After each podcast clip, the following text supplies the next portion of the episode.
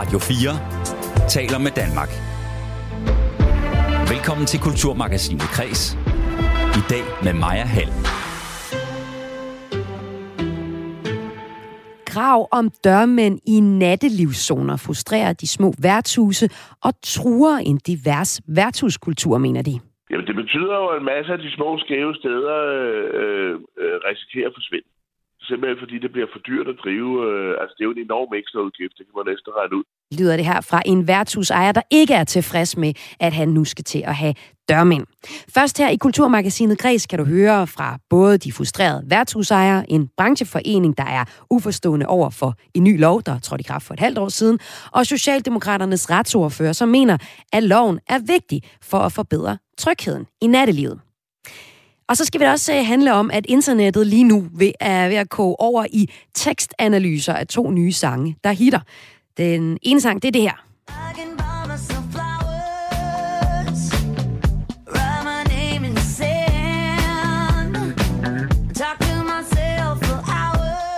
Jeg kan altså købe min egen blomster, lyder det her fra Miley Cyrus, der udover hende også Shakira, der har skrevet et såkaldt diss track. De har skrevet to numre, der handler om deres eksmænd. Og øh, de her numre, de ligger helt i toppen af hitlisterne. Og alle prøver lige nu at gennemskue, hvad der er sandt, og hvad der er opdigtet i de her to øh, ret tabloide sange, der altså handler om stjernernes ekskærester, som også er nogle stjerner. Jeg ser nærmere på sangene her i udsendelsen i dag, og så taler jeg med nieren, der herhjemme står bag et klassisk diss track, om om diss tracks er god business. Er det fedt at svine sine øh, følger eller ikke følger til i øh, sange? Vi øh, skal også se på, hvordan øh, nonnen gennem tiden er blevet portrætteret i popkulturen i anledning af en ny, succesfuld dansk film, der netop foregår i et kloster. Så skal vi se på, hvorfor danske film ofte bliver optaget i udlandet.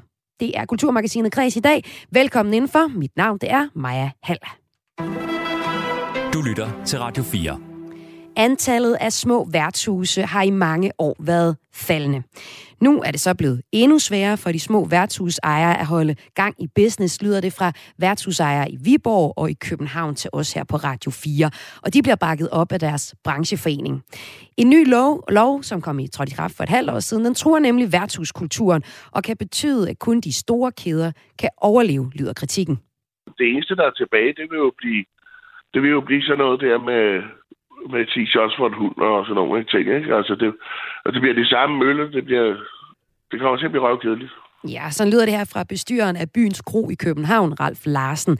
Han kritiserer i et debatindlæg i gårsdagens politikken en lov, der altså trådte i kraft i sommer. Loven betyder, at øh, også små værtshuse skal have dørmænd i nattetimerne efter kl. 24, hvis de har åbent efter kl. 2 og ligger i et af landets 20 nattelivszoner.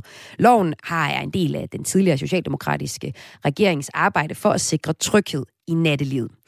Men, øh, og det er vigtigt, forklarer Socialdemokraternes nuværende retsordfører Bjørn Brandenborg, som jeg talte med her tidligere i dag.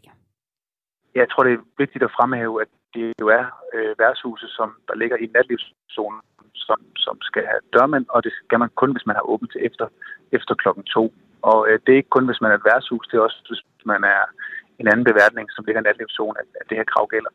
Øh, og det, det skal man, fordi at vi er i en situation, hvor vi har brug for, at, øh, at der er flere øh, voksne i det offentlige rum, at der er øh, flere øjne, og at der er flere, der går med til at tage et ansvar for at sørge for, at det øh, er sikkert, når man går i byen. Øh, og, og grunden til, at vi jo har, har lavet en, en række tryghedsskabende initiativer, det handler jo om, at vi desværre har oplevet øh, de sidste par år nogle meget, meget voldsomme overfald i, i nattelivet. Det er derfor, vi første gang har lavet nattelivszonerne, og nu har vi jo så lavet nogle, nogle flere initiativer, som blandt andet handler om at sørge for, at, at det bliver mere sikkert for, for unge mennesker at gå i byen. Men øh, Bjørn Brandenburg, vi skal nu høre fra øh, to værtshusejere, en i København og en i Viborg, som så er trætte af den her nye lov, selvom de selvfølgelig sætter pris på, på ro og orden. Vi øh, starter i København. Tidligere så havde byens kro, der ligger i Indre København, åben til klokken 5 om natten alle ugens dage. Men det kan de ikke længere, for det er for dyrt.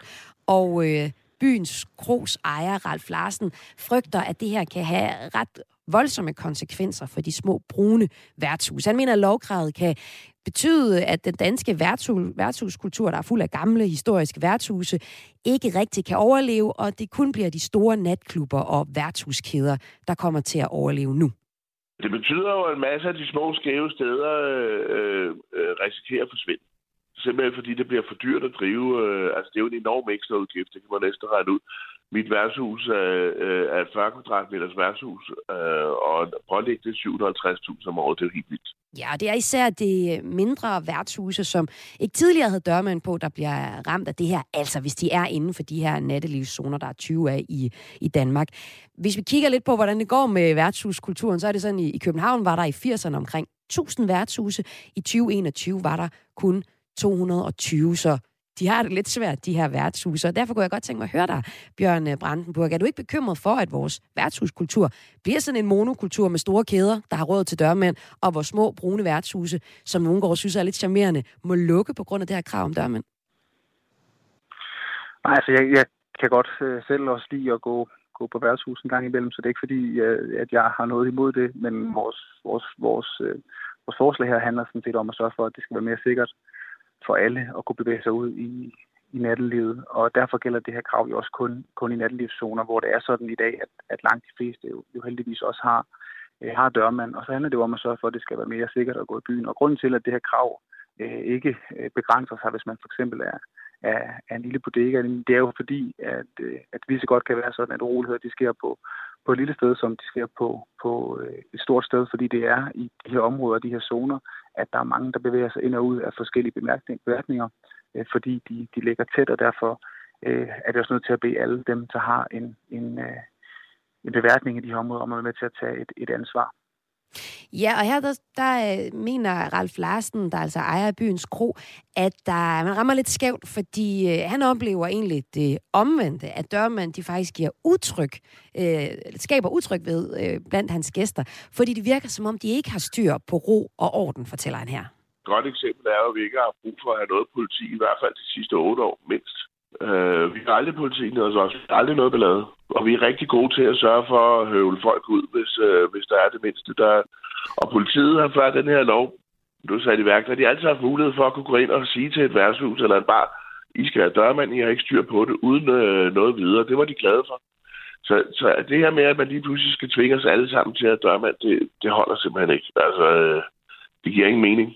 Ja, og Ralf Larsen, altså ejer af byens kro i det indre København, mener ikke, at en dørmand på et værtshus som hans kan være med til at bidrage for den samlede tryghed i området. Det, du skal jo rende rundt inde på det sted, du er, og holde øje derinde. Man står, det, altså, jeg ved godt, det hedder dørmand, men det, man står faktisk ikke særlig meget i døren. Ja, Bjørn øh, Brandenburg. Hvordan kan en dørmand, der står øh, inden for at bidrage til trygheden på gaden, spørger øh, vi, hører vi altså her, Ralf Larsen spørger om? Ja, det, det, det behøver de jo heller ikke. Det vi har lagt op til, i, øh, da vi fremsatte vores lovforslag, så var det, at, at dørmændene skulle være til stede øh, i eller omkring indgangen, og det vil jo også betyde, at øh, dørmændene øh, forhåbentlig kan være med til at gribe ind, inden der er nogle uroligheder, som, som eskalerer. Men er det ikke en politiopgave at forebygge voldsomme episoder, dem du beskriver her i det offentlige rum? Det er også, det er også, en, det er også en politiopgave, og, det, og politiet øh, skal jeg love for, øh, udfører også den opgave i dag. Og det er jo sådan, at det her det er jo et af 12 forskellige initiativer, mm. som, som, som jeg har vedtaget, og nogle andre af dem er jo også, at politiet har mulighed for øh, at bortvise personer fra, fra natlivet, hvis ikke de, de synes, at de opfører sig ordentligt. Men øh, det er altså det, vi hører fra de små værtshuse her, at det rammer lidt øh, skævt og uden grund dem. Nu har vi hørt fra en værtshus fra det københavnske. Øh, nu skal vi så også høre fra en fra Viborg. Det er Bodega, terminalen i Viborg, der har ejer Jesper Skov Jacobsen, som øh, også har været nødt til at ændre åbningstiden på grund af de her nye regler. Det irriterer hans gæster en lille smule. Ja, altså førhen, inden vi skulle have dørmand på, der havde vi altid åbent til, til klokken 5. Altså nu er vi nede og, og gør sådan, vi har først, eller vi lukker klokken 3-4 stykker, Øh, men altså, det ender jo nogle gange med, at vi bliver lidt uvenner med vores gæster, fordi de var vant til, at vi kunne holde åbent til klokken 5 jo. Øh, så de kan ikke helt forstå det her gæsterne. Ja, Bodega Terminalen er et af de steder, hvor der også kommer lidt ældre publikum i øh, Viborg. Reglerne om dørmænd er ifølge Jesper Skov Jacobsen med til at gøre konkurrencen om den målgruppe skæv. Så vi har jo længere op ad gaden, der ligger jo en af vores, øh, som vi sammenligner os rigtig meget med jo. Altså, øh, og, og de har ikke krav om det her dørmand, så selvfølgelig søger de jo derop jo, fordi de ved jo, at vi, øh, vi skal lukke. Enten så lukker vi jo klokken, øh, klokken 3 som det tidligste, hvis der ikke rigtig er nogen mennesker. Og de ved jo, at de har åbent til klokken 5 deroppe, så, så søger de jo bare længere op i gaden, hvor der ikke er krav om det her dørmand. Mm. Så, så det er jo lidt en konkurrenceforvridende jo. Ja, lyder det her fra ejer af Bodega-terminalen i Viborg, Jesper Skov Jacobsen. Det er jo øh, uden for, øh, det var en del af reglen, at det skulle være konkurrenceforvridende, men det er altså det, vi øh, hører her på Bodega-terminalen opleve, fordi øh, det er kun af de steder, der ligger inde i et af landets 20 nattelivszoner, der skal have en dørmand fra, fra 10-24, hvis barn har åbnet efter klokken øh, 2 om natten. Øh, Bjørn Brandenburg, kan du som retsordfører se, at den her lov rammer en lille smule skævt? Vi har faktisk allerede lavet en, en justering af lovgivningen, fordi at da vi fremsatte det, så kom der nogle forskellige høringssvar om, at, at lovgivningen måske ramte lidt skævt. For vores udgangspunkt var faktisk, at det var sådan, at alle steder, der har åbent til efter kl. 12, at de skulle have en, en dørmand på. Der har vi lyttet til, til noget af den kritik, der er kommet, og ændret det så til, at det galt kun til de beværtninger, der har åbent til, øh, til efter øh, kl. 2, og også der, hvor at dem, der er tilbage i byen typisk vil være dem, der er mest beruset. Også der, hvor vi kan se, at det desværre oftest ender med, at der, der sker øh, overfald, eller folk kommer op og slås, eller der er nogen, som bliver udsat for, for nogle voldsomme, øh, voldsomme øh, overgreb fra, fra andre mennesker. Helt sikkert. Og Bjørn øh, Brandenburg, jeg tror mig og alle lytterne også, vi er glade for, for ro og orden i, i nattelivet. Men som du også sagde, Bjørn, altså kan vi jo også godt lide, i hvert fald mange af os, de her brune, charmerende, ældre værtshuse, som det også nogle gange er, men jo altså som ser ud til at blive ramt lidt, men der er jo så også imødekommet dem i forhold til, til reglerne. Der er dog et, et forslag mere, vi lige skal høre om, fordi det er ikke kun de to enkle værtshusejere, som er irriteret over de nye regler, der er en del af den her øh, retning af regerings, socialdemokratiske regeringsarbejde for at sikre tryghed i, øh, i nattelivet. Det er et generelt problem for hele værtshuskulturen. Det vurderer også chef for turisme og oplevelseøkonomi hos branche, brancheforeningen Horesta, der altså repræsenterer de her små værtshuse. Hun hedder Annette Hyllebrandt, og hende talte jeg med lige her, jeg talte med dig, og øh, de har siden præsentationen af loven været kritisk over for den, og har et lille ønske til en lille justering mere. For de helt små brune værtshuse, som vi kender dem, der, der kan det godt betyde en, en væsentlig økonomisk øh, udfordring for dem. Øh, og det skal jo ses også i lyset af, at vi kommer fra en coronapandemi, hvor man ikke kunne tjene de penge, som, som man gerne ville. Og derfor så er denne her, øh, hvad kan man sige, øh, administrative øh, tiltag i forhold til at stille med dørvagter, øh, en, en, en betydelig udfordring for nogle af de helt små.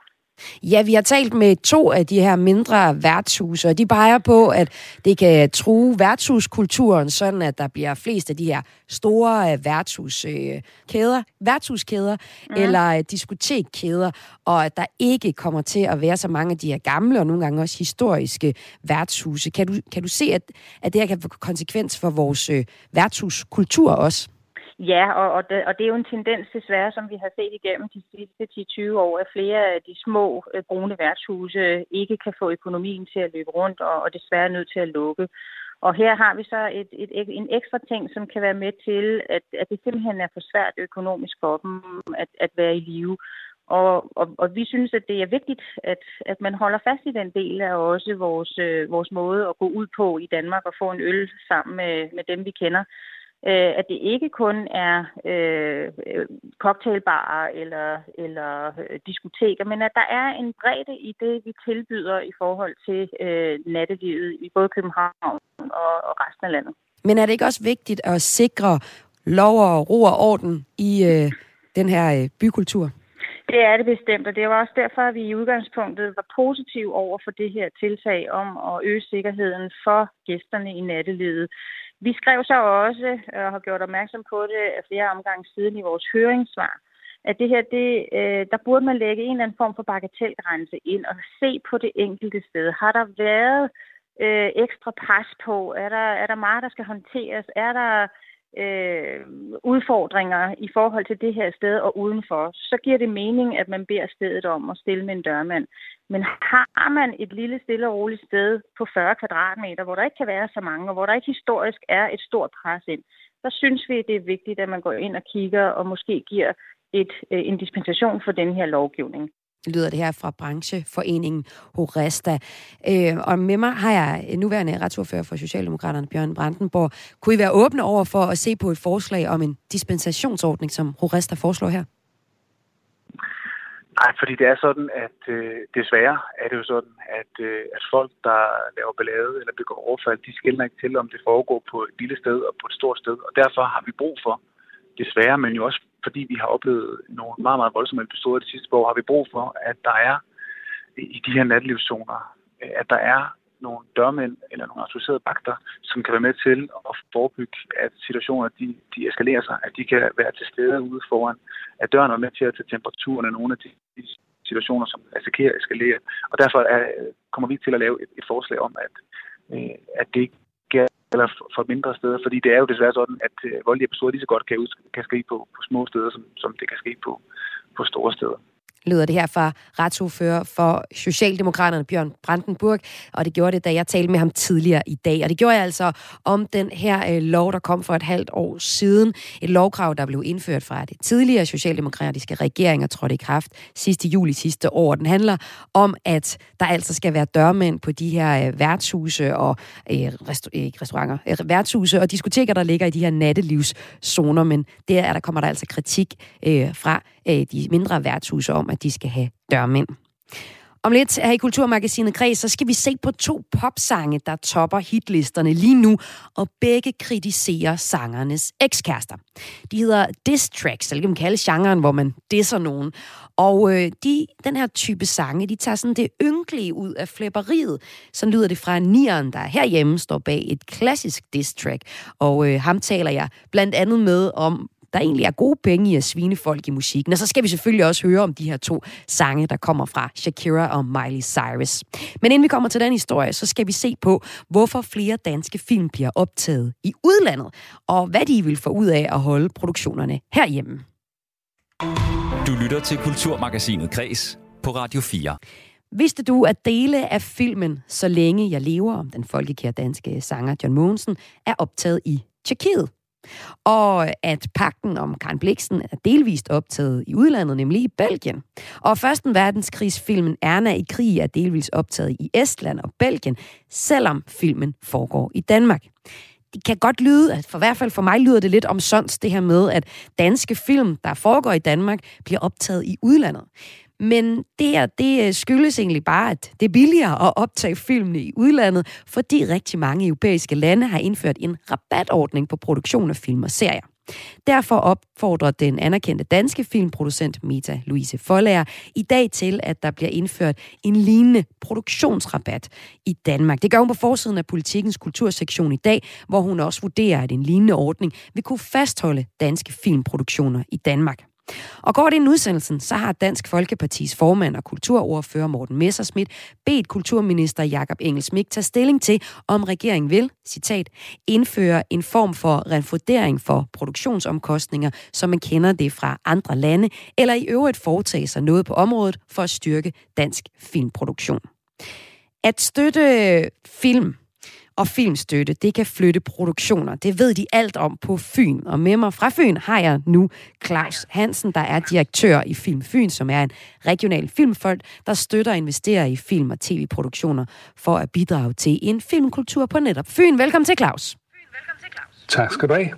Vil du ikke starte med at sætte nogle ord på, hvad det var for en ambition, der lå bag etableringen af Film Fyn? Jamen, øh, øh det vil jeg godt, øh, fordi jeg kan tage udgangspunkt i pakten, som du lige nævnte. Øh, den er for 90 procents vedkommende, den er optaget på Fyn. Øh, når man står og kigger ud over Strandvejen til Sverige, så er det øen Skarø, man kan se ude i, øh, i baggrunden. Men Fyn har ganske godt illuderet øh, Rungsted.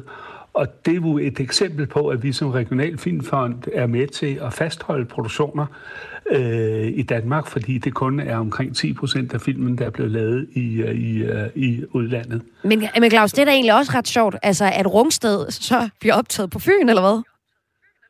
Jamen, øh, vi har jo et produktionsmiljø, vi har, øh, vi har lokationer, vi har steder, som kunne øh, udgøre Rungsted Lund. Øh, vi, har, øh, vi har filmarbejdere, der kan med, vi har virksomheder, øh, der kan bidrage, bidrage til filmen.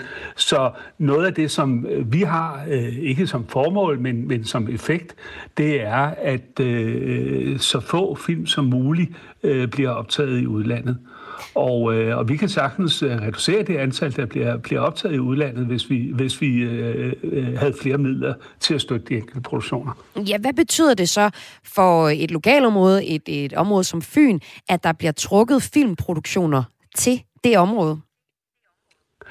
Jamen altså, den, den, det ene punkt er, at det giver, sådan, det giver en meget øh, stærk øh, fynsk stolthed. Øh, når jeg går ned gennem øh, hovedgaderne i de forskellige byer, så får jeg ofte sådan henvendelser, øh, når jeg har min holdjakke på, hvor der står Film Fyn, får jeg ofte henvendelser, der siger, ej, hvor sker der meget, hvor er det skønt, der er så meget film på Fyn. Så den der lokale stolthed, det er en effekt, kaldt en, en kulturel effekt, at Fyn også er en del af den danske øh, filmsucces. Det andet, det, det er, øh, vi er med til at øh, udvikle en fyns filmbranche, som traditionelt altid har været koncentreret i København. Vi har øh, de sidste fire år, hvor vi har haft midler til at støtte i, i, i større omfang, haft mulighed for at udvikle øh, flere og flere filmarbejdere. Der er kommet virksomheder øh, på Fyn, øh, således at det ikke kun er øh, folk i al respekt, øh, der er forankret i København, men også nogen, der er forankret i den fynske muld, som, som, som er med til at lave filmene. Så altså både stolthed og så også øh, arbejdspladser er, hvad man kan få ud af at give øh, filmstøtte, sådan at filmene for eksempel bliver optaget øh, på Fyn, som I arbejder for i, øh, i Film Fyn. Så er der jo så kommet det her forslag fra filmproducenten Meta Louise Forlager i, i politikken i dag, om at indføre en produktionsrabat for at sikre, at film, der foregår i Danmark, også bliver indspillet her. Noget, der bliver bakket op af producentforeningen og også foreningen øh, FAF, der står for film.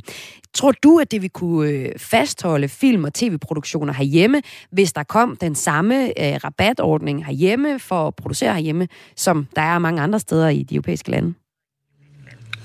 Jamen altså, det der jo er, er, er baggrunden for Meta Forlagers forslag, det er jo, at, at, at dansk film og serieproduktion mangler penge, og øh, produktionsrabatter er en måde at skaffe penge på. Jeg synes for så vidt, at, at også set fra et fyns, fyns perspektiv, at produktionsrabatter er fint som en erhvervsstøtte, øh, hvor at en række af de fynske virksomheder øh, også vil kunne få gavn af, af produktionsvirksomheder. Jeg synes, det primært går ud på at tiltrække udenlandske filmproduktioner til at bruge nogle af de danske ressourcer. Så for mig er det, er det, er det erhvervsstøtte, som ikke skal... Øh, øh, som skal supplere den kulturstøtte, som vi, øh, som vi også har, som administreres af det Danske Filminstitut, af de regionale filmfonde her under Filmfyn. Og øh, nu kan det være, at det lige stikker en lille smule af Claus Hansen, direktør på Film Fyn, fordi det her det handler jo om, hvordan, hvad det har betydning, hvis man støtter filmproduktioner i forhold til at så få dem til at blive herhjemme, og I vil så gerne også have trukket dem ud fra København, for eksempel til Fyn. Og det er jo på sin vis lykkes med, fordi jeg bemærkede, at både deres julekalender, Julehjertets Hemmelighed og TV2's Tinka og Sjælens Spejl faktisk var indspillet på Fyn. Og nu har jeg så læst mig frem til konceptet Juleøen Fyn. Prøv lige at forklare mig, hvad det handler om, Claus. Jamen altså, det er jo en del af Filmfyns opgave at få så meget ud af produktionerne som muligt, nemlig for, for, øh, for, for eksempel for at understøtte den der stolthed der over, over de mange produktioner. Og øh, vi har snakket filmturisme, og det gør man generelt i branchen. Øh, og jeg synes, det var svært med enkeltfilm at, at gå ud og lave, her kan du gå i Mads Mikkelsens øh, fodspor. Men jeg lige pludselig fik henvendelser fra, ja, så fik henvendelse om at både at støtte Julehjertets hemmelighed og, tænke, og, og, og Sjælens spejl, så tænker jeg, hov, Jamen, New Zealand, de har Ringnes Herre. Øh, London har Harry Potter. Øh, Ystad har Valander. Hvad har vi på Fyn? Vi har jul. Vi har julekalender. Og så henvendte jeg mig til øh, vores turistkontor på Fyn, Destination Fyn, og sagde, kan vi gøre noget ud af det her? Og så lavede vi samarbejde med blandt andre øh, Odense Bys Museer og lavede en fantastisk udstilling inde på øh, Museet Møntergården i, i Odense. Plus vi fik lavet en lang række andre aktiviteter. Og det er jo med til at understøtte øh, det her at sige, jamen, men her på Fyn, der bliver altså lavet TV, øh, film og tv-serier og øh, er med til at, altså jeg, jeg stod foran 50 bedsteforældre til at fortælle om det her, og de sagde, det er helt fantastisk. Det er helt fantastisk med den her udstilling. Det er helt fantastisk at gå ned og se Rumles øh, værelse fra julehjertets mm. hemmelighed i den, i den fynske landsby. Ja. Øh, så det er også en del af det at være en regional filmfond. Ja, ja det er ikke sådan helt øh, landskabet i Ringens Herre, men, men det er jo også noget at have julekalenderne. Og tusind tak for at fortælle om det her direktør i Film Fyn, Claus Hansen. Velbekomme som, øh, som direktør i, i Film Fyn, der altså er en øh, regional filmfond, der støtter og investerer film- og tv-produktioner for at bidrage til en filmkultur på Fyn. Og vi havde ringet til øh, Claus Hansen i forbindelse med, at man, øh, Meta Forlærer, som er en anerkendt øh, filmproducent, øh, mener, at man skal se på produktionsrabatter, sådan at man kan lave flere danske film i Danmark, i stedet for at rykke dem til udlandet, hvor det lige nu er, kan være billigere at gøre. Om lidt er i Kulturmagasinet Kreds, der skal vi se øh, nærmere på, øh, på nonnen i populærkulturen, og det skal vi, fordi du måske bemærket, at der er kommet den her film, Den Store Stilhed. Den har nemlig høstet rigtig mange rosende anmeldelser siden premieren sidste torsdag. Og det er en film, der foregår et noget så, jeg har lyst til at sige, utraditionelt sted, som i et nonnekloster. Og i den anledning, så øh, griber, an, kigger jeg lige lidt nærmere på fremstillingen af nonner i populærkulturen, for jeg kan mærke, at jeg synes både nonnen og klosteret er super fascinerende og ret skræmmende også. Og hvorfor jeg lige har det sådan med det, det har inviteret en nonneforsker og en forfatter, der har arbejdet i et kloster i Rumænien, ind til at tale med mig om. Men først så skal det handle om øh, to popstjerner, der er i gang med at disse deres ekskærester øh, massivt i øh, to kæmpe hits. Du lytter til Kulturmagasinet Kres på Radio 4. Ja, det er de to verdensstjerner, Miley Cyrus og Shakira, der er på spil. De har inviteret hele verden med ind i deres forliste forhold på to nye sange. Miley Cyrus med sangen Flowers, og Shakira med sangen This Rap Volume 53, der ligger i toppen af Spotifys globale top øh, 50-liste. De gør de begge to. På numrene, der øh, sender de dis og stikpiller til deres også kendte eksmænd. For eksempel så synes Shakira, at hendes eksmand, fodboldspilleren Gerard Piqué, er, er ved at date en 22-årig model, har byttet hende, en Ferrari, ud med en uh, Twingo, at han har byttet et Rolex-ur ud med et Casio-ur, og det siger hun jo for at disse ham. Og han har så svaret vidtigt tilbage ved netop at gøre det, altså at køre en Twingo-bil og gå med Casio-ur der sker en masse i den her øh, sladderverden, og jeg er fascineret af de her, den her type ekskæreste sange og at jeg, jeg kan ikke lade være med at tænke, om, om de her to stjerner også har spekuleret i, lidt i, at der sidder nogen som mig, som synes, det er lidt spændende at komme med i deres øh, privatliv, og hvordan de har det med deres ekskærester. Nu skal vi have historierne bag numrene. Numre, som der altså lige nu bliver desikeret i øh, hele verden for at finde ud af, hvad er rigtigt og hvad er forkert i de her sange. Og øh, til at tale med mig om det, der jeg har inviteret dig, Jennifer Fridensberg Lehmann, med ind. Du er popkulturskribent på Soundvenue. Velkommen til dig. Tusind tak. Øh, og du har fulgt med i de her to sange. Prøv lige at starte, til at starte med. Hvor, hvor stort øh, er de her to numre på nettet lige nu? Jamen, altså, det kommer nok an på, hvilken algoritme man sådan er inde under, men på min sådan pop-algoritme, der fylder de nærmest det hele. Altså, øh, Shakira kom ligesom lidt i kølvandet på Miley Cyrus' mere traditionelle album, eller hvad hedder det, singleudgivelse. Og øh, Shakira tog ligesom en mere viral tilgang med den her YouTube-video og så videre, som ja, det er også jo har en, fyldt meget, ikke? En, en, altså, Shakira, hun har jo slået en verdensrekord med den mm. video. Mere end 63 millioner YouTube-visninger på 24 timer, hvilket så gør hende til den øh, mest sete nye latinske sang i platformens historie. Og nu har videoen sådan noget 133 millioner visninger på YouTube. Man vil gerne se det her.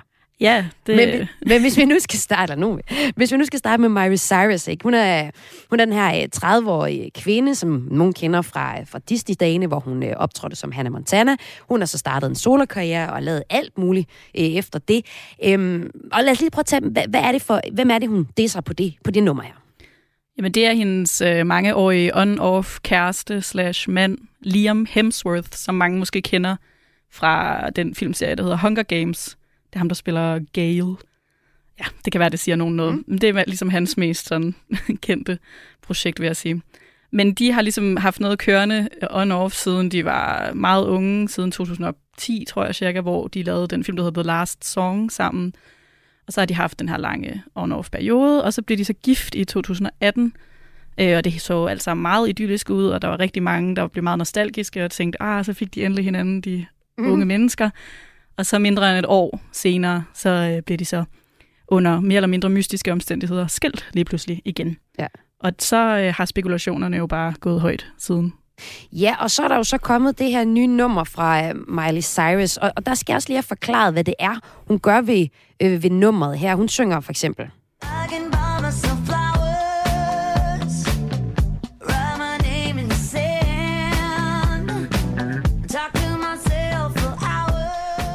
og det er så en kommentar på øh, et andet nummer. Kan du fortælle om det?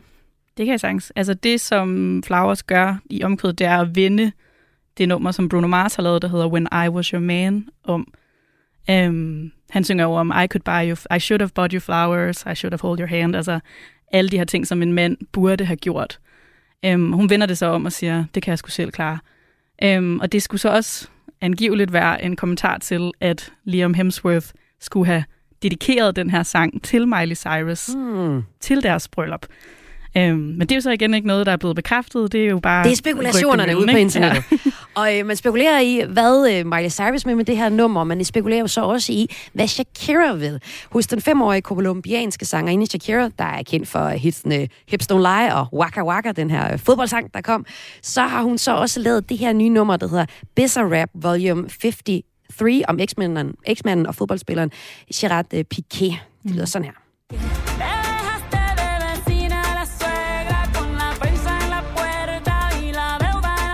Ja, og for jeg der ikke lige kan spansk, så synger Shakira her, du efterlod mig med min svigermor som nabo. Medierne ved min dør og i gæld til regeringen. Du troede, du sårede mig, men du gjorde mig stærkere. Kvinder græder ikke længere, de indkasserer og bliver betalt. Hvad handler den her sang om? Jamen, det er jo på mange måder et sådan helt klassisk hip-hop-diss, hvor hun simpelthen piller øh, Piqué, hendes eksmand, fra, fra hinanden. Altså, det handler om hans utroskab, om at øh, hun er færdig med, at han skal holde hende nede, og hun kalder ligesom også hans øh, nye forhold med en, med en meget yngre 22-årig kvinde ud. Jeg tror, hun siger noget, eller jeg, jeg er da dobbelt så meget værd som hende. Øhm, og som du selv nævnte i din introduktion, det her med, at, at hun siger, at han har, han har byttet Ferrari og Rolex og ud med, med Twingo og, og Casio-ure. Ja, han mener simpelthen, at han har, hun er, han har valgt en billigere model end hende, ikke? Han Lige synger præcis, det her, ikke? præcis. Så det,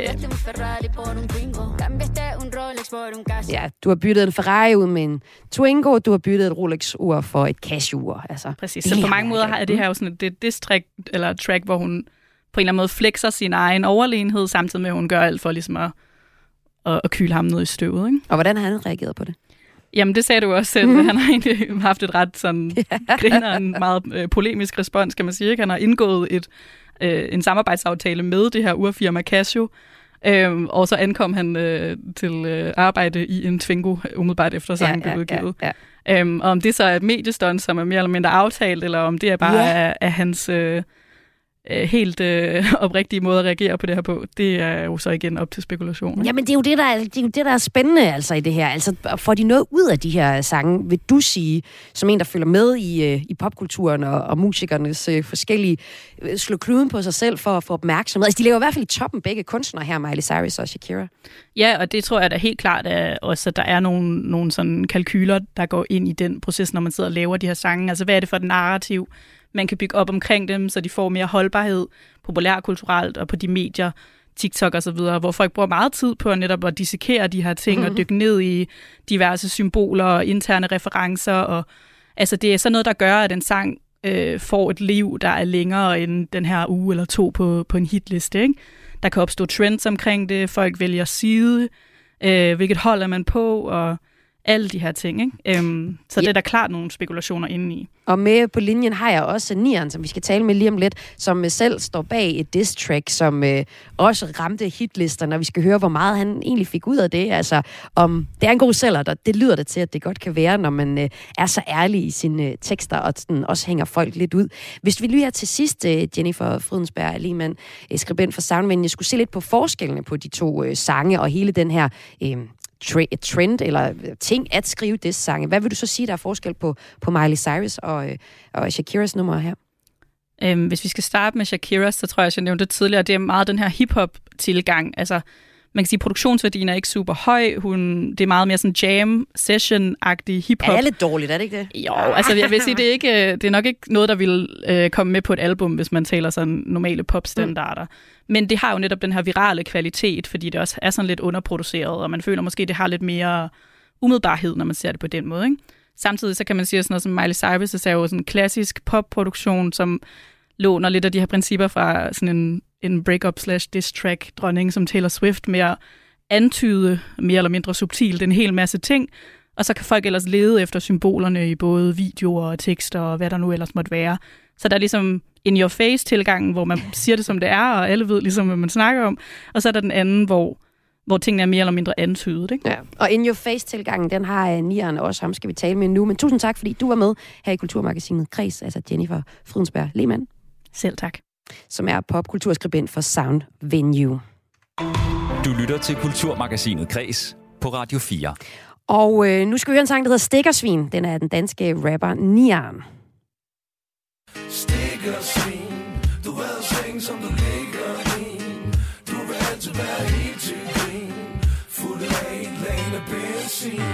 Ja, det er LOC, som vi hører med på omkvædet her. Altså på nummeret Stikkersvin, der handler om en konflikt mellem Nieren og en anden rapper, Strøm. Og øh, sangen blev kendt, er blevet kendt som en af Danmarks største diss tracks. Det er også blevet et hit. Men hvor ægte er følelserne så bag den her sang? Altså, det sælger måske bare godt at disse lidt folk. Nils Roos, du er også kendt som rapper Nieren. Velkommen til Kulturmagasinet Kreds. Tak skal du have. Øhm, hvor, hvor gode penge er der i at skrive diss track? Det ved jeg ikke sådan, altså, det er sgu lidt svært at gøre op i, øh, i, kroner og øre på den måde, men altså, det er jo, øh, det er jo i hvert fald noget, der som regel altid sådan giver noget opmærksomhed, som et, øh, et hvad kan man sige, et almindeligt albumtrack Mm. mm. ikke øh, gør. Og, og Der hvad, er noget konflikt og intriger i det, som, som jeg tror, folk synes er, er meget spændende. ja, og, og hvad er historien? Hvad er konflikten? Hvad er intrigeren i sangen Stikkersvin? Øh, jamen, det er sådan set bare, at, øh, at, at, at jeg var i slagsmål med en anden rapper, og, det endte i, øh, i en retssag, hvor jeg, hvor, hvor jeg fik en dom, og, øh, og så skulle øh, så skulle mig og Liam lave et nummer en dag, og så, øh, så havde vi det her beat, der sådan lagde ret meget op til, at, at man skruede lidt op for, for, for, for, for, for altså, at man ligesom langede lidt ud efter nogle folk, og så, øh, så foreslog Liam, skal vi ikke bare hive nogle af de øh, folk frem, så hvis han havde også nogle, nogle folk fra, fra øh, rap-miljøet, som han ligesom, du ved, det var, det var mere sådan noget, der havde kørt i længere tid i undergrunden, og så, øh, så satte vi os faktisk ned på en aften og skrev det rimelig hurtigt, så det var sådan en, det var jo meget ægte følelser, der var omkring det. Jeg var jo ret øh, vred over hele situationen. Ja, jeg har læst mig til, at det handlede om, at det dig og rapperen Strøm, I var vild med den samme pige. Hun vælger så at kysse med Strøm, og så har du øh, lyst til at slå ham, og kommer så til at slå hende. Er det sådan, historien er? Ja, jeg kommer til. Ja, ja, altså der er sådan lidt, uh, lidt tumult der, ja, hvor der, er- hvor, hvor der er flere, der, der sådan bliver indblandet i det. Og det var sådan på, på, på baggrund af det, at vi vælger at, at skrive nummer. Ja, det er jo en ordentlig omgang. Hvad, er du blevet venner med Strøm igen efterfølgende? Ja, det er. Ja. Ja, vi har sådan, uh, og ja, det er ved at være mange år siden, at vi sådan ligesom har, uh, har lagt det bag jer. har, har, har lagt det bag os. Ja. Men, men, var, altså, hvor ægte var følelserne så, da I skrev det her nummer, Stikkersvin, dig og LOC? Jo, men altså, de var jo ægte. Altså, det var jo en, øh, en, en, en situation, hvor man ligesom følte sig dårligt behandlet og var, var, var vred over hele øh, situationen. Og øh, så var det jo selvfølgelig også, fordi man var, øh, man var ung og fanden i voldsk, og, øh, og man skulle have noget at skrive en sang om. Og så, øh, så, så, så lå den på en eller anden måde lidt til, til højre benet. Jan, du har fortalt, at, at, at sådan et track, sådan et diss-track, hvor man disser nogen, ikke kan laves uden oprigtige følelser. Hvad mener du med det? Jo, det, det kan det godt, men det, jeg synes bare, det, det er sjældent, at det sådan rigtig bryder igennem og, og giver noget opmærksomhed. Der er jo der er masser af eksempler på folk, der sådan har prøvet at, øh, og, og, og ligesom du ved, lang ud efter en, en kunstner, der har et større navn, end de selv har, øh, i et forsøg på at få noget omtale. Og det synes jeg som regel, det, det falder ret meget til jorden. Det er sjældent, man ser, at det Mm. mm. bliver en succes. Men når der ligesom er noget oprigtighed bag det, og der er noget, noget oprigtig vrede, og også ligesom, at jeg har også langt ud efter Sebastian Dorset og Hanne Vibeke Holst og sådan noget i andre numre. Det er jo også noget, hvor der sådan har været en, en reel øh, konflikt af Ja. en art. Ja, du er en verbal Øhm. slagsbror, eller det har du i hvert fald været, fordi du siger jo også med årene, så, så overgår man ikke helt at gå ind i de der ting. Øh, nu tænker jeg så, at vi har jo med øh, den 30-årige øh, Miley Cyrus at gøre, og vi har med øh, 45, var det vist, øh, Shakira at gøre, der nu har skrevet to diss tracks. Den ene lidt mere subtil, og den anden noget mere, Shakiras noget mere sådan øh, øh, hip-hopsk, altså hvor hun bare basker til, hvor træt af hun er af hendes eksmand. Det er altså jo mange følelser, der er på spil, når det er med ens øh, ekskærester at gøre, men øh, Niels, har du lige her til sidst et, et godt råd til de her to øh, verdensstjerner om, hvordan de ligesom skal håndtere efterslæbet af, at man har smidt sådan et diss track ud i, ud i, i æderen? Nej, altså det ved jeg sgu ikke, hvad de skal. Altså, de, de har jo helt sikkert også gjort det for at, at, at få noget opmærksomhed. Også for at vende sådan hele situationen. Man kan jo sige, at, at, at især det her med, når det sådan bliver, bliver sådan noget ekskæreste der kan det hele let virke sådan ret... Øh, altså, det, det er en god måde at tage, tage ynken ud af, af, af, af brokkeriet, ikke? Altså, hvis man, hvis man har et eller andet, man, man, man gerne vil klynke over, du ved, hvis man så gør det til et badass diss track, så er det lidt federe, end at, end at sidde inde i Oprah og, øh, og snøfte over, at, øh, at, at, ens, øh, at, at ens fodboldspillermand, han har knaldet barnefin, ikke? øh, altså, så det er sådan, det, det, det hele, og jeg tror også, det, det når også ud og ligesom giver, giver, der er nogle flere folk, der gider at følge med i det, fordi det bliver serveret på den her måde. Altså, jeg har personligt ikke øh, øh, hørt øh, øh, Bubers ekskones podcast, men hvis hun lavede diss-tracket Fuck Buber, så ville jeg tjekke det ud med det Ja. samme. Altså, så jeg tror sådan, at... Øh, jeg, jeg, jeg tror, det er en smart måde for dem at gøre det på, i stedet for, at det hele det er endt i sladderpressen med mudderkast frem og tilbage. Eksempelvis kunne man bruge Johnny Depp og Amber Heard-sagen der, ikke? Ja, Altså, det havde som- været federe, hvis som- det havde været en, øh, et diss track, der var røget frem og tilbage mellem. Fuldstændig. Ja, jeg tror, okay, hun, klart. nok stadigvæk, hun har nok stadigvæk haft en karriere den dag i dag, hvis hun bare havde lavet et diss track, i stedet for at sagsøge ham. Det var hun nok noget længere med. Jamen, øh, Niels Nieren Ros, tusind tak, fordi du var med her i Kulturmagasinet Græs. Jeg synes, at du skal gå ud og blive øh, sådan en... Øh, ja, du kan komme med nogle gode råd til, til, til folk, der har møjsager i sladderpressen. Så skal de jo bare skrive noget, noget rap-tekster. Tak for Jeg det. kan blive sådan, øh, hvad fanden er det, de Konsulent? de der, øh, Musikkonsulent. Ja, præcis, en konsulent, ja, eller sådan en dem der, der rådgiver, øh, rådgiver folk, kommunikationskonsulent. Ja, det er lige dig. Det er lige dig. Det er mig, mand. Ja, Det er mig. Fedt. Fedt, du var med her. Tak for det. Ej. Selv tak. Hej. Ja, her var det altså Nieren, som vi talte med om at lave diss tracks i anledning af, at to yderst populære tracks lige nu, Miley Cyrus og Shakiras to sange, om deres, efter sine utro eksmand, ligger i toppen af hitlisterne. Du lytter til Kulturmagasinet Kres på Radio 4. I torsdags var der premiere på den danske film Den Store Stilhed. Filmen er udtaget til en pris for på den præcisfyldte filmfestival San Sebastian og har høstet virkelig fine anmeldelser i en række medier. Det her det er ikke sådan en film, der bare er et dystert familiedrama. Det er også en film, der foregår et utraditionelt øh, sted. Den foregår nemlig i et nonnekloster. Her tager vi lidt af traileren fra Den Store Stilhed. Skal du giftes med Jesus? Hvad er det, du vil? Jeg har givet pengene til klostret. Det er også mine penge. Jeg kan ikke gøre for, at far har lavet et testamente på den måde. Kan vi ikke snakke om det? Jeg har brug for, at vi taler om Du lykke, det kan vi ikke. Jeg bad dig om at komme Erik i møde. Det virker som om, du gør det modsatte. Jeg ved for det hver eneste dag. Det er fandme sødt af dig, at du lige tænkte på mig, da jeg lige fik Gud til at fikse den for dig, når du ikke selv kunne være der. Jeg bliver alvorligt bekymret for, om du er klar.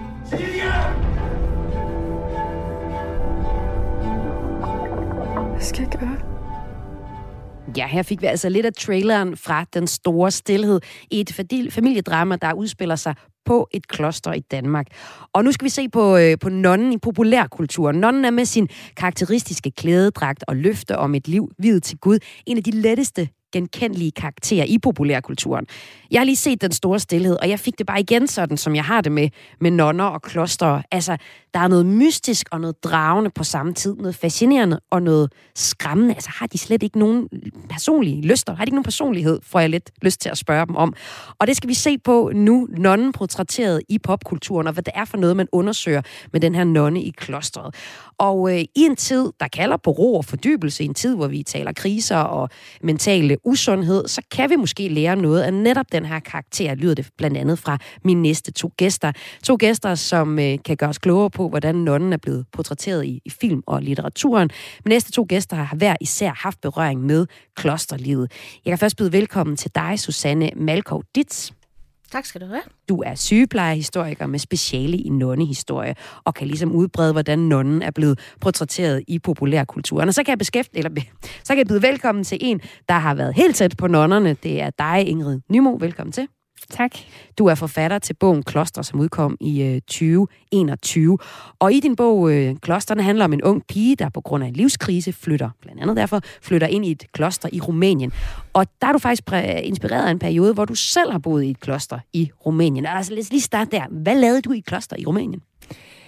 Ja, det var sådan en slags uh, sabbatårs uh, aktivitet, jeg var taget ned i. Så tænkte et, du lige øh, kloster? Ja, det var sådan lidt tilfældigt. Uh, jeg ville gerne ud og arbejde frivilligt, og så var det lige det der kloster i Rumænien, som poppede op på en af de her hjemmesider, hvor man kunne komme ud og arbejde frivilligt. Og så blev jeg, altså også, som du siger, der er noget enormt dragende over de her mennesker. Jeg så bare sådan nogle billeder af nonner, der gik rundt i sneen i det her helt sorte tøj. Og jeg tænkte, jeg bliver nødt til at finde ud af, hvem de er. Jeg blev sådan, der var en eller anden nysgerrighed, der blev vagt. Så Og jeg tog hvordan derned. var det så? Hvad, hvad var det for en oplevelse? Det var enormt spændende. Det var en blanding af alt muligt. Altså, øh, jeg oplevede jo faktisk, at de her nonner havde enormt meget personlighed. Måske også fordi, at, øh, at de havde fralagt sig sådan en, en masse af de ting, som vi normalt opfatter som det, der definerer os, vores identitet. Altså, de havde fravalgt at få en kernefamilie. De havde fravalgt øh, at udtrykke sig via deres tøj. De havde fravalgt at udtrykke sig via en, en karriere. Så de var bare ligesom der på det her sted overladt til hinanden, og der var et eller andet ved den øh, situation, som også fremkaldte deres forskellige egenskaber på en bestemt måde, som jeg også synes var, var spændende. Vildt spændende, og faktisk ikke noget, jeg sådan genkender så godt fra øh, populærkulturen, hvor der måske er nogle nonner, der sådan stikker ud, men ellers er de meget sådan stringente og ikke sådan en masse personlighed. Men det kan være, det gør lidt, bliver gjort lidt op med det i, øh, i den her, den store stillhed, som er anledning til, at vi, vi ser på nonner i popkulturen, og den skal vi også tale om. Men først kunne jeg også lige tænke mig at høre dig, Susanne. Du er sygeplejehistoriker, og du har i årvis forsket i nonner og nonnehistorier. Hvordan bliver nonner i dine øjne sådan typisk fremstillet i populærkulturen? De bliver, de bliver fremmet ligesom den... Jeg har jo set på det historisk, så de bliver fremmet i forhold til, øh, fremstillet i forhold til den tid, de har fungeret i, og i, i forhold til det, dem, der fremstiller dem. Og i vores kulturkreds, en protestantisk kulturkreds, der er nonnerne er katolikker og sådan noget, ikke? der er man ofte fremstillet, som du selv siger, noget mystisk. Hvad foregår der inde bag ved klostermurene? Og så har man inde i populærkulturen jo enten haft en onde nonne, sådan som Lise Nørgaard så fint har lavet i sin film Kun en pige, ikke? hvor de slæber hende op i gulvet, fordi hun skal opereres for mandler, eller den gode nonne, som Sally Field, der er The Flying Nun. Men ofte så, som man ser det i populærkulturen, så er det, øh, bliver det altid, ofte som jeg har set det, fremstillet som en misforståelse, at man går i kloster faktisk. Så der er ikke rigtig så mange, der tager en... Øh, øh, i forhold til, hvad er det oprigtige klosterkald mm. i en moderne øh, populærkultur, eller den også historiske populærkultur. Altså måske også noget med, hvor man har Ja. undret sig over, hvorfor fravælger de et parforhold med en rigtig Ja, mand? og Eller hvad? det, det har været en stor udfordring på forsker, fordi det er jo næsten altid det, jeg bliver spurgt om, når jeg forsker i, og specielt af mænd. Ikke? Øh, altså, det er unaturligt at være nonne, og hvorfor fravælger de ægteskabet og børnene? Ikke? Og der er ikke ret mange, der spørger, hvad er det, som man tilvælger i stedet for? Ja. Så det er den største fordom. Det, ja. Ja. Kan du genkende Ja. ja. den? Ja, jeg snakkede også med en ung nonne, som var cirka på min egen alder om det, som, som sagde, altså folk tror enten, vi er helgener, eller de tror, vi er gale.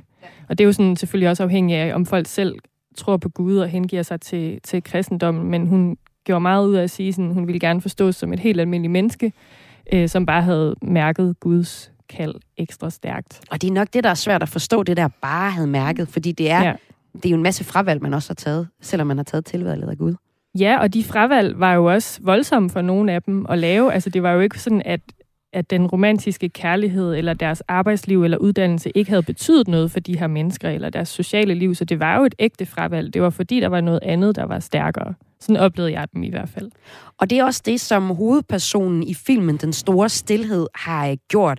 Den havde premiere øh, i, øh, torsdags. I har begge to set filmen, og den handler altså om en, der vælger, fravælger et øh, normalt liv, har man lyst til at sige, det ved jeg nærmest ikke, man kan sige, men i hvert fald tilvælger nonnetilværelsen. Hold hånden over ham, Gud. Og få ham til at holde sig væk.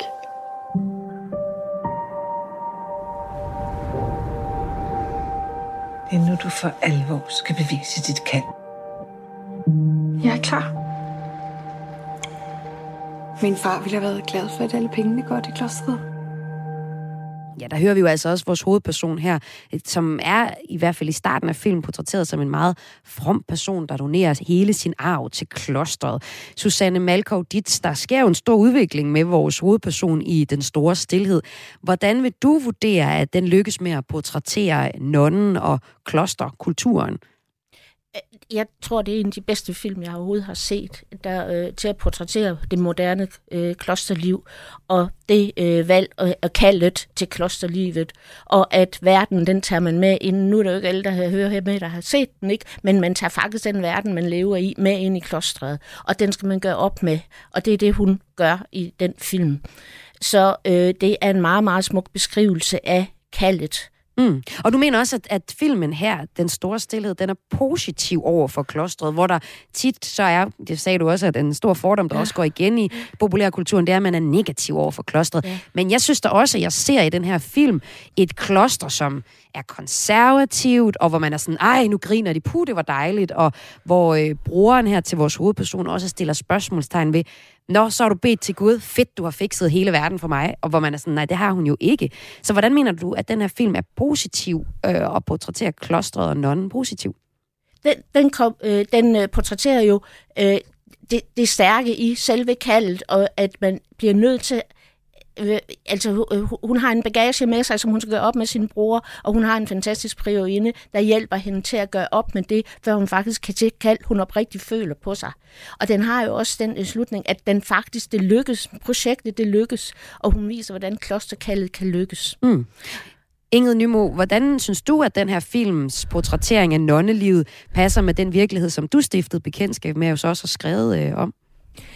Jeg synes, det var et meget stærkt portræt. Altså, hele stemningen i det her kloster i filmen var nok lidt mere sådan øh, trykket og tung og from, end den, øh, det stemning, den stemning, der var nede i mit romanske nonnekloster, som var meget sådan let. Det var også meget, nogle mange, meget unge nonner, og det var et ret nyt kloster, så der var sådan, de talte rigtig meget, de lavede meget sjov med hinanden, og, og virkede sådan ret frie, selvom de selvfølgelig også var underlagt en form for struktur. Så der var en forskel måske sådan i stemningen, men jeg synes sådan, alvoren og dybden i det kald, de har givet sig hen til, den, det kunne jeg sagtens genkende. Og jeg synes, der var nogle virkelig stærke scener, altså blandt andet også der, hvor hun skulle afgive sine løfter. Nu skal jeg nok lade være med at spøjle for meget, men hvor hendes bror kommer ind og, og forstyrrer og pludselig vender sig om mod korset, altså broren, og siger sådan henvendt til Jesus nærmest, du ved også godt, hvordan det er at have en far, øh, der er et kæmpe røvhuller, mm. som smider dig ud hjemmefra, og sådan noget, hvor der pludselig skete den her identifikation imellem broren og Jesus.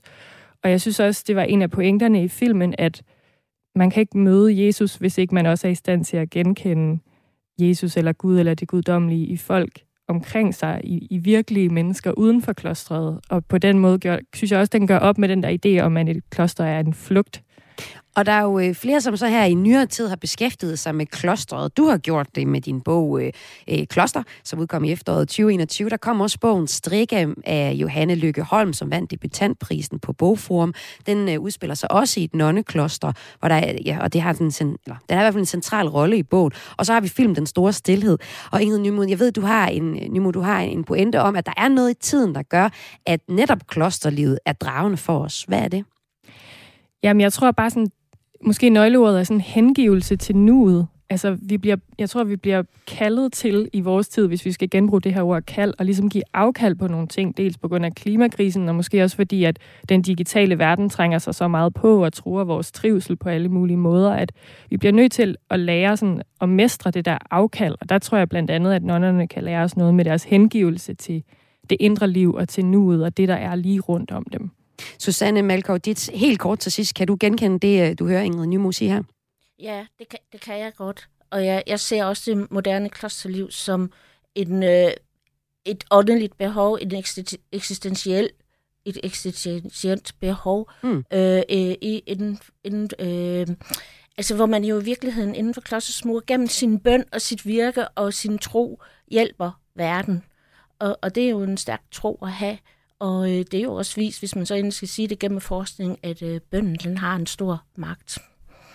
Susanne Malgaard, dit sygeplejehistoriker med speciale i nonnehistorie, og Ingrid Nymo, forfatter til Bogen Kloster. Tak fordi I kom. Selv tak. Selv tak. Altså til at sætte nogle ord på, øh, hvordan øh, nonnen er blevet portrætteret i populærkulturen. Og det så vi på i anledning af, at den store stillhed kan ses i biografer landet over lige nu. Altså en øh, film, som netop handler om eller foregår i et øh, kloster. Skal du giftes med Jesus? Er du vil? Jeg har givet pengene til klostret. Det er også mine penge. Jeg kan ikke gøre for, at far laver et testament på den måde. Kan vi ikke snakke om det?